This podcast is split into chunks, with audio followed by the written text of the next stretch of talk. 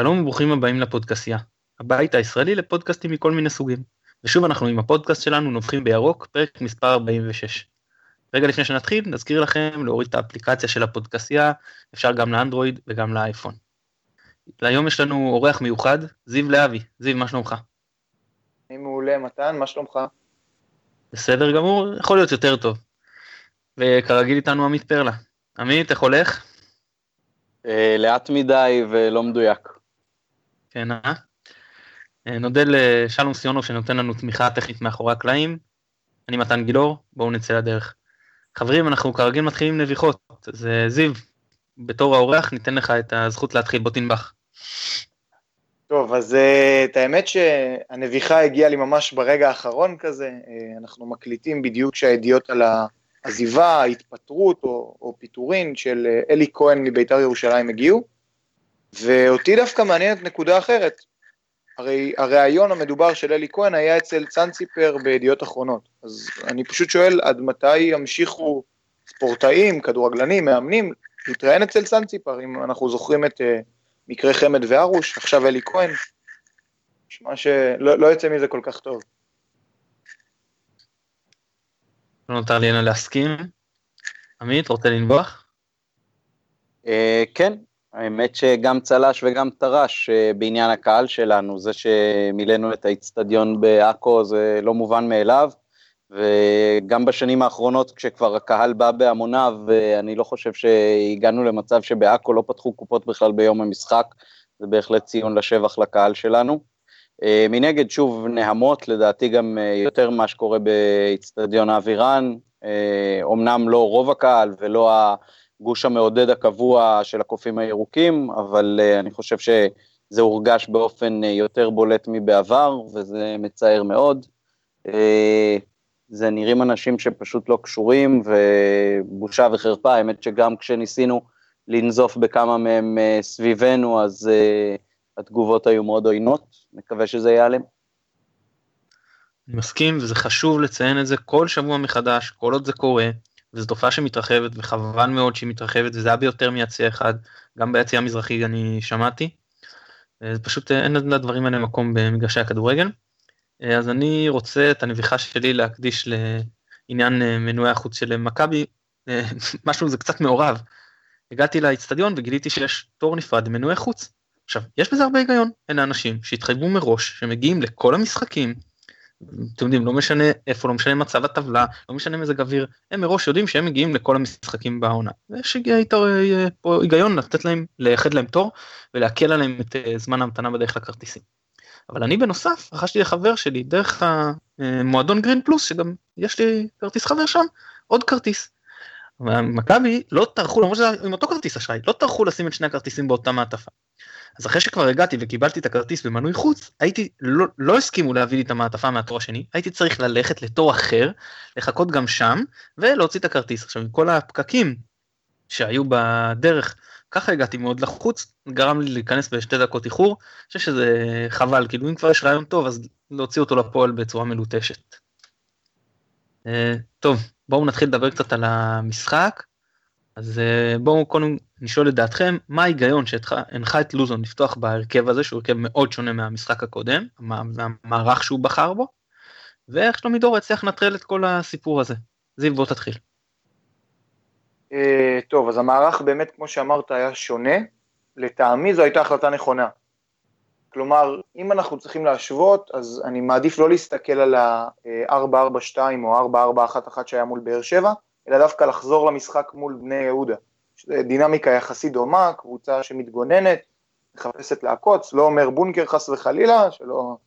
אבל היה פה איזה תהליך של התגוננות וניסיון לנטרל את אה, מכבי חיפה.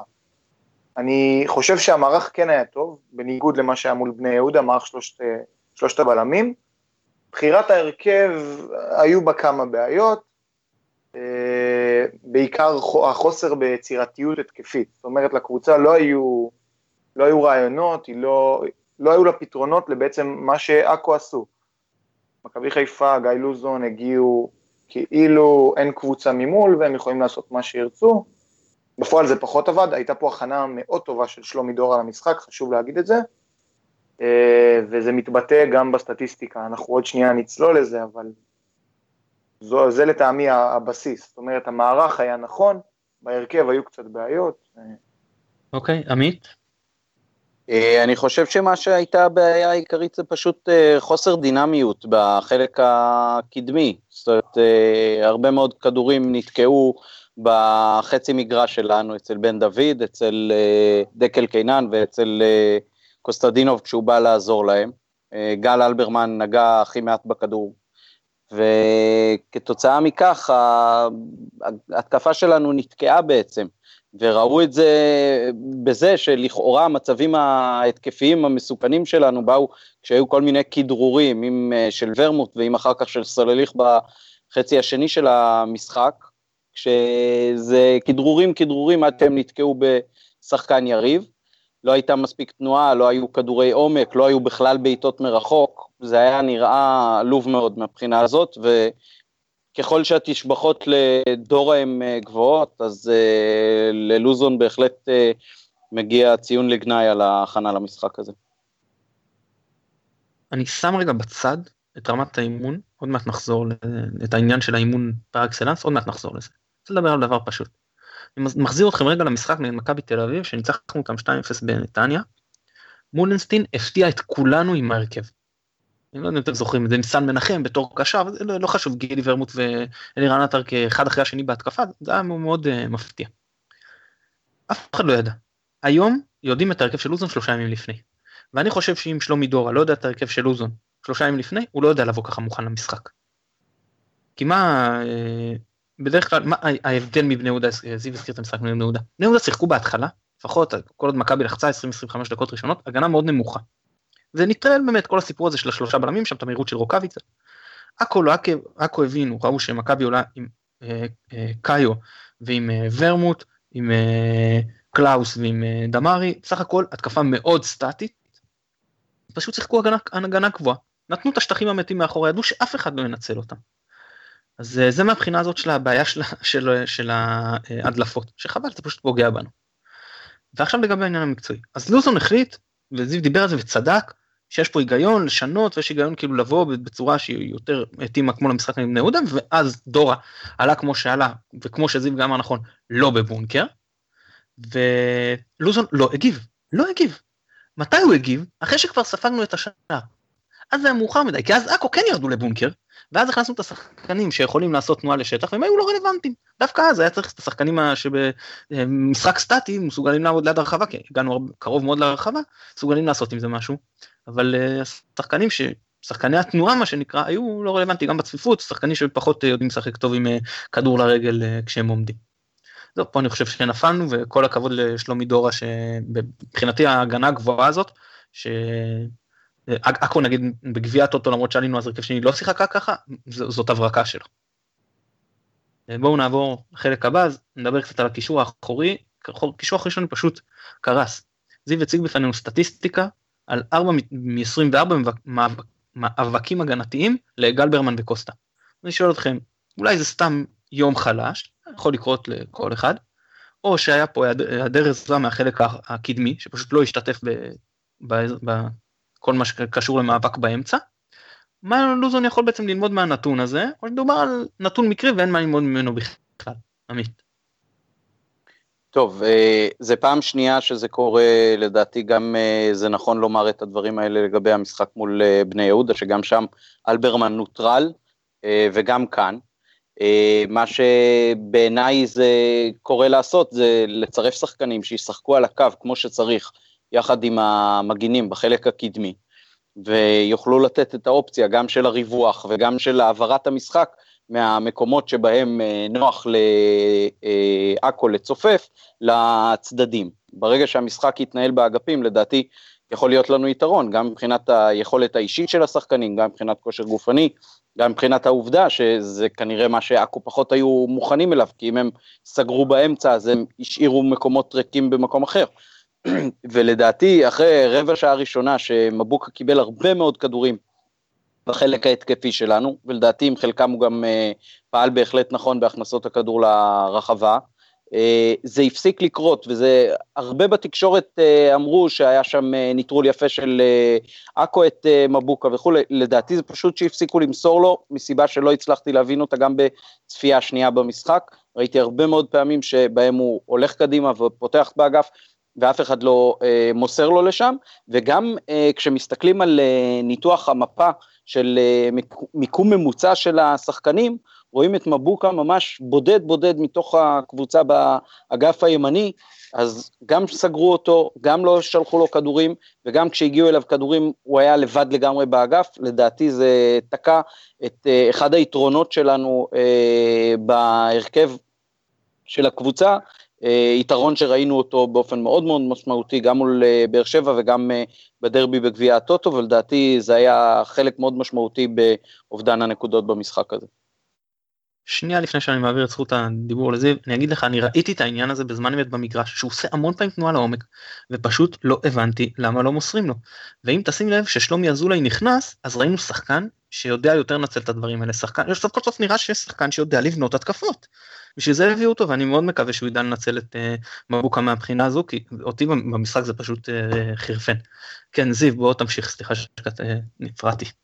לא מעולה דווקא בשביל הערות כאלה זה טוב שהפרעת כי uh, באמת אני חושב ששלומי אזולאי זו כאילו העברה שעברה כזאת בשקט עם עסקת עטר למכבי תל אביב וזו העברה מעולה כי אנחנו שמים לב גם מול בני יהודה וגם במשחק מול עכו כמו שאמרתם יפה יש בעיה עם העברת כדור מהגנה להתקפה. בשני המשחקים האלה, השחקנים שנוגעים הכי הרבה בכדור הם צמד הבלמים, זה תמיד דקל קינן ודו סנטוס או שי בן דוד, הם גם צמד השחקנים שמחליפים ביניהם את כמות המסירות הכי גבוהה. זאת אומרת, יש פה איזשהו מוטיב חוזר, בני יהודה עשתה את זה עם הגנה נסוגה יותר, עכו תקפה, לחצה את אה, דמראוי, לחץ את אלברמן, ושלומי דורה ניצל את העובדה שקוסטדינוב הוא לא שחקן שלוקח כדור מההגנה ומוביל אותו להתקפה. הוא עשה את זה מעט פעמים מול עכו, זה לא קורה מספיק, ובכל מקרה הוא לא עושה את זה בצורה, בצורה הכי טובה שאפשר. כן, יש ניסיון עם ורמוט, שאני חושב שחלק מה... גם מהתנועות של מבוקה וגם מהמיקום הממוצע שלו, זה קשור להעדפה של ורמוט בקו ימין. ורמוט הוא שחקן שנכנס המון המון לאמצע, הוא מפנה את הקו למבוקה ואז הוא יכול לדהור שם, אה, ואני חושב ש... אנחנו נראה בגלל זה הרבה פעמים את ורמוט מועדף בכנף ימין. דווקא הנושא הזה היה לטעמי טוב, אבל מכבי חיפה בשורה התחתונה נפלה על ורמוט ועל קאיו.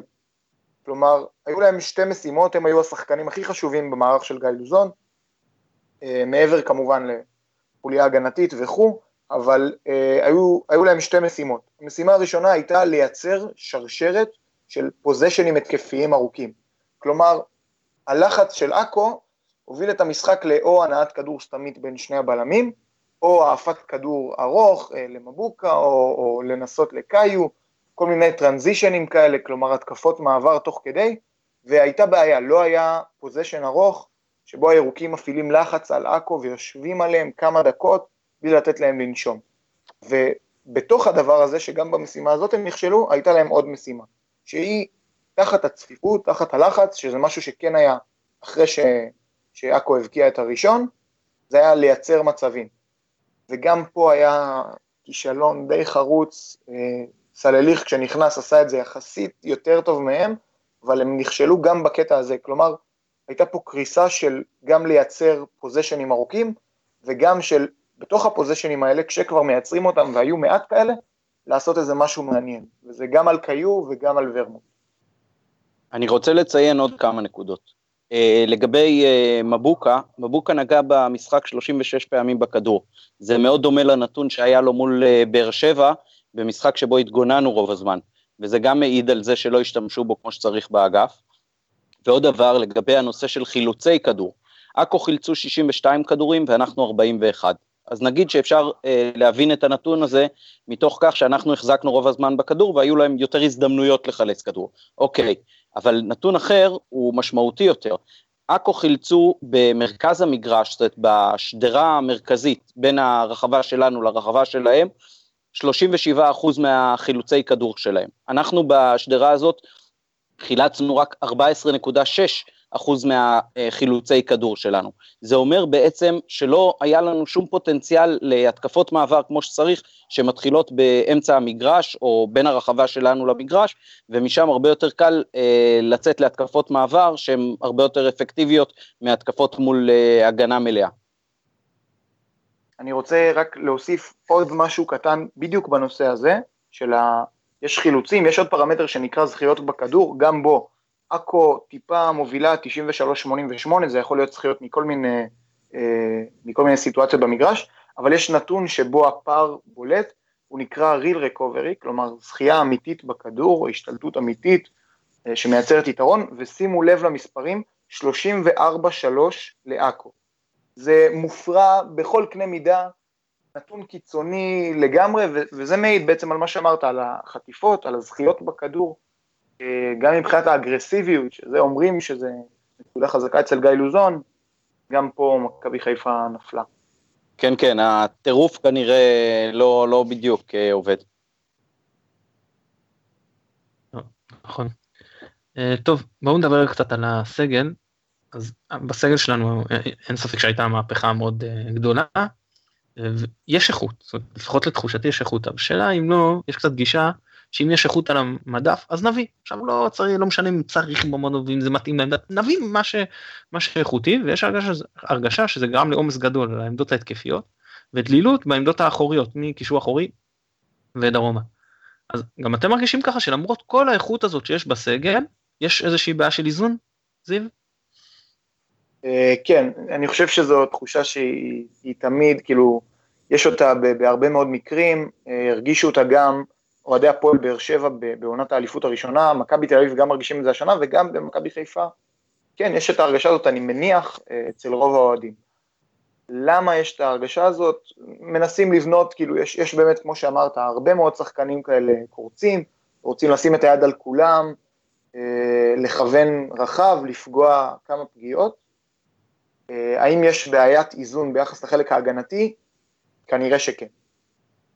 עמרי בן ארוש אה, הוא בעיה הגנתית, מדברים על זה גם בפרקים הקודמים, דיברתם על זה לא מעט, אה, במשחק מול עכו, 0 מ-5 במאבקים הגנתיים, באופן כללי, לא צריך סטטיסטיקה בשביל לראות שבן ארוש הוא איזושהי נקודת תורפה, יש בלם שפצוע, רמי גרשון ואמור לחזור, דו סנטוס לא שיחק, למרות שהגנתית, המשחק מול עכו באמת לא היה אסון אה, נורא.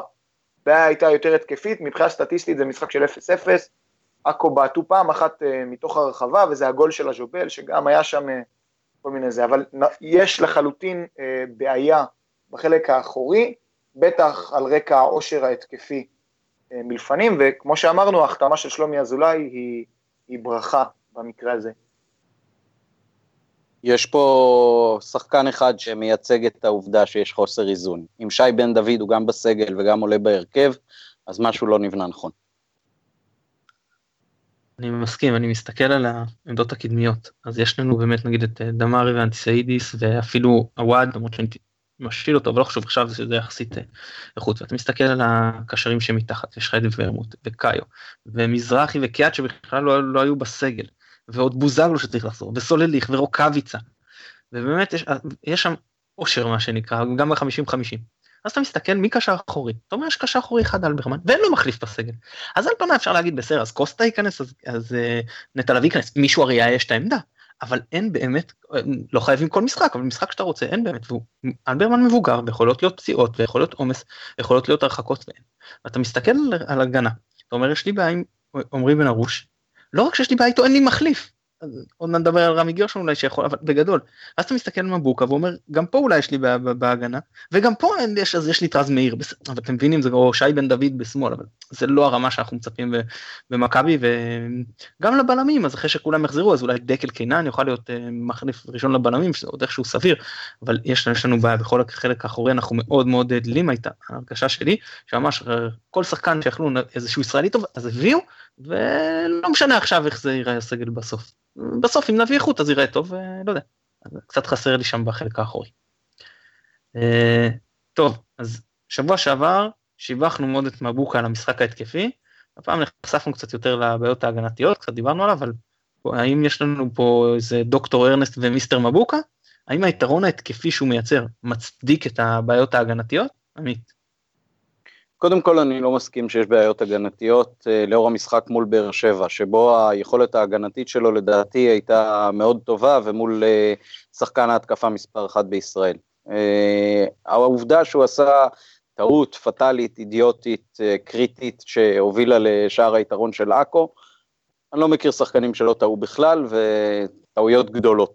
אבל מבחינה התקפית זה כל מה שדיברנו קודם.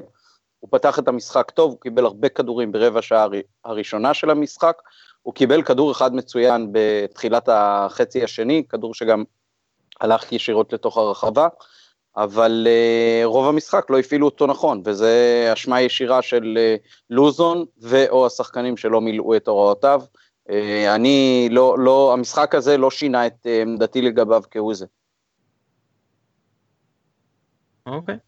בסדר גמור, אה, אני חושב שיש שם אה, קצת בעיה הגנתית, זה לא רק הטעות, אני חושב שגם בשער השני אגב, שיש לו חלק, אה, תקן אותי אם אני טועה, גם שם הייתה לו איזושהי החזרת כדור בעייתית לגלאזר, אני חושב שמה שהוביל לכל הבלגן. לא, בשער השני, בשער השני הייתה הוצאת חוץ שלנו, שחקן נגע בכדור, איבד אותו, עמדו שלושה שחקנים מסביב למיליץ', זה השחקן שהבקיע נדמה לי, נכון? פייסל? אני, ו- אני מדבר על מה שהוביל לחוץ. מה שהוביל לחוץ, בסדר, אבל תראה, לא צריך, צריך לשים לב, מבוקה משחק מאוד מאוד לבד, הוא לא מקבל שום עזרה משחקן קדמי באגף, הקשרי אמצע שלך, האחוריים, הולכים מאוד מאוד נמוך ולא כל כך נותנים סיוע לאגף. אני מתגעגע לימים של uh, מכבי ששיחקה באופן קבוע עם uh, מגן שתקף הרבה ועם uh, קשר אמצעי או uh, שחקן קו שהלך איתו, ממש היו זוגות זוגות קבועים כאלה, שלדעתי זה נתן הרבה מאוד יתרון גם בהתקפה וגם בהגנה. אפילו חמד בתקופה שהוא שיחק אצל אלישע בחצי השני של האליפות האחרונה שלנו, אז למרות שהוא שיחק כחלוץ אה, מרכזי, הוא זה שנתן אה, סיוע באגף ועזר בהרבה מאוד אה, חילוצי כדורים, וכשמבוקה מתמודד לבד, אז זה הרבה פעמים אחד מול שניים, ואחד מול שניים זה לא כוחות. אז נגעת בדיוק בנקודה שרציתי לדבר עליה שמשחקים נגד קטנות אנחנו נעלה באמת יכול להיות עם פחות שחקנים על הקו כמו שזה נראה עכשיו לפצח את הבונקר וזה אז uh, זה באמת יותר מסוכן פחות מי שיעזור לו אבל אז יש את דו סנטוס בצד שלו שיעזור לו ואני פחות מודאג. במשחקים נגד גדולות אז יותר נעלה עם שחקנים שיעזרו לו ומבחינה הזאת זאת אומרת אני מבין שיש שם איזושהי אני כן חושב שיש פה איזושהי בעיה הגנתית אני לא יותר מדי אה, מודאג ממנה אני מודה. אתה, אה, אתה אמרת, אתה אמר, רגע, אתה אמרת שבמשחקים מול הקבוצות הקטנות אנחנו נעלה פחות עם שחקני קו, וזאת לדעתי חלק מהבעיה. זה מה שנראה, לצערי, אני לא אומר, אני לא אומר נכון, שזה נכון. נכון, נכון, וזה בדיוק מה שראינו עכשיו, היו חסרים שחקני הקו שירווחו את המשחק, ויגרמו לכך שעכו גם תצטרך להתפרס, ואז יהיו שטחים להיכנס אליהם וליצור מצבים, ואולי אפילו לא רק אה, לבעוט לשער, אלא גם אה, להגיע למסגרת, ואולי אפילו לחצות את קו השער. אני מסכים איתך אני רק אומר מה שראינו שנגד בני יהודה הוא כן. היה לבד על קו ימין נגד הוא היה לבד על קו ימין ונגד באר שבע הוא קיבל עזרה. זה זה כן. פשוט מה שאני מסיק. אה, טוב בואו נדבר קצת אה, לקראת אה, רעננה. זיו בוא תן לנו קצת סקירה מה נקודות החוזק שלהן נקודות תורפה איך לדעתך מכבי צריכה להיערך למשחק. טוב אז עומד להיות משחק אני מצטער שאני אומר את זה ויש לי בשורות איוב אבל כמובן זה יהיה משחק בדפוס של בני יהודה ועכו אם אנחנו רוצים לשאול למי מהן יותר רעננה דומה, אז זה לעכו. רעננה אה, היא קבוצה שחוטפת המון המון המון כדורים במרכז המגרש, ואם ניגע, שנייה, עוד שנייה נתעסק בזה, אבל לפני זה יש את המערך של אה, רעננה, רעננה משחקת שלושה בלמים, שלוש חמש שתיים, אה, יש לה את אה, עלי קמרה, בן ואבא ועידו לוי במרכז ההגנה, באגף ימין, ווינגבק בצד ימין משחק מוחמד שקר. מוחמד שקר הוא שחקן שזו לא העמדה הטבעית שלו, זו איזושהי הסבה שעשה לו דודו אברהם, וזה אומר uh, צרות, כי באגף שמאל של מכבי חיפה יש את עמרי בן ארוש, והוא יכול לעשות המון המון צרות משם, הוא אחד השחקנים שעם כל הפתיחת עונה הרעה של רעננה, אז הוא יחסית uh, בולט לטובה, ועכשיו באמת אפשר לדבר קצת על, uh, על רעננה עצמה. אז קודם כל היא משחקת עם uh, כמה צעירים, שחקני בית, הרכב כזה של שחקנים אפורים, uh, אפשר להגיד גם, לציין את ג'ורדן פושה, שהגיע אליה ממכבי הרצליה בקיץ, מוחמד עלי קמרה, שני זרים שלפחות אמורים לתת את הטון, קמרה בינתיים נראה יותר טוב, פושה קצת פחות. היא קבוצה טובה מאוד באוויר, יש לג'ורדן פושה 13 מ-23 עד עכשיו בכל הליגה במאבקי אוויר, וזאת למרות שהוא לא שחקן גבוה במיוחד, יש לו טיימינג טוב בראש, דווקא בנושא הזה הירוקים לא צריכים להיות מודאגים, גם דקל קיינן, גם אה, אליסון דו סנטו, שחקנים בגובה לפחות טובים. אה, בן בנימין וירדן כהן, שני שחקנים של רעננה, אחד משחק בצד שמאל, אחד קשר, מובילים את הליגה בחטיפות בחצי של היריבה. כל אחד עם שמונה חטיפות, גם זה מסוכן, מזכיר קצת את עכו, מה שהיה עם דמראוי וגבי קניקובסקי, ושניהם במקומות ראשון שני בליגה בתיקולים מוצלחים. כלומר זו קבוצה מאוד מאוד אגרסיבית. המערך של השלושה בלמים כן יזכיר קצת את uh, מה שעשתה בני יהודה, כלומר לתת למכבי חיפה להניע את הכדור מאחור. אני מניח שאחרי מה שראינו שדורה עשה לגיא לוזון, אז גל אלברמן כן יקבל לחץ, כלומר יצא אליו שחקן, ינסה למנוע ממנו את אה, העברת המשחק מההגנה להתקפה, אבל הסגנון הוא יותר נסוג ויהיה מעניין לראות איך מכבי חיפה תתמודד עם הנושא הזה. נגיד שני דברים אה, קצרים. אחד, אתה צודק, מול רעננה באמת מה שמדאיג זה החטיפות שהם עושים בחלק המגרש של אה, מכבי, למשל בני יהודה, זה לא הייתה הבעיה. בני יהודה הם, הם קבוצה מהירה ופחדת שברגע שהם יזכו בכדור בחלק שלהם הם מאוד מהר יגיעו להרחבה שלנו זה אגב מה שקרה בסוף המשחק עם השערים של מתן חוזז. אז זה, זה פחות מדאיג שם הם באמת קבוצה שעושה לחץ אה, יודעת לצאת לפרסינג של לחץ אה, גבוה טוב מרוויחה את הכדור ושם היא הכי מסוכנת. אה, ועל פושה אני אגיד שאני יודע שלא ראיתי אותו מספיק ברענן אבל בהרצליה אני, הוא, זה ממש פגע בהם כשהוא עזב אותם. ממש מורגש. היו, הם מאוד התבשרו עליו. טוב חברים, זה יום שבת, שבע בערב, סדיון אבירן, מכבי מערכת את הפועל רעננה, זיו תן לי תוצאה. 1-0 למכבי חיפה, קשה מאוד, אבל סוף סוף זה, זה חייב לעבוד. עמית? אני אצטרף להימור שלו, נראה שהוא מכיר את רעננה יותר טוב ממני, וגם את מכבי חיפה הוא ראה, אז אני רוכב על זה. טוב, אה, האמת שגם אני רציתי ללכת איתכם אבל מה אני אהיה כאילו זה אז אני אלך קצת אה, יותר צימון ונגיד יאללה 2-0. אולי נקבל עוד איזה פנדל ונצליח אה, להעלות את התוצאה. זה יהיה מאוד מרשים אם אנחנו בפעם הראשונה העונה לא נספוג שער. נכון. זה יהיה עוד יותר מרשים אם בפעם הראשונה יכבשו פנדל. כן. זה בגביע טוטו לפחות קרה פעמיים. זה יהיה בכלל מרשים אם נצליח לנצח קבוצה מול יותר מ... מ...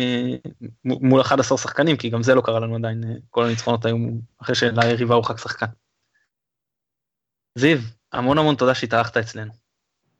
תודה רבה, היה לי באמת תענוג, אתם עושים עבודה נהדרת. תודה, תודה. עמית, כרגיל תענוג. היה תענוג גם לי, ולאור הנתונים המרשימים שזיו הביא, אני חושב שלפחות שווה השאלה עם אופציה לרכישה. בוודאי, אנחנו נשמח לארח אותו שוב יותר מפעם אחת. אנחנו נודה לשלום סיונוב שנותן לנו תמיכה טכנית מאחורי הקלעים. אני מתן גילאור, תודה רבה שהאזנתם, ביי ביי.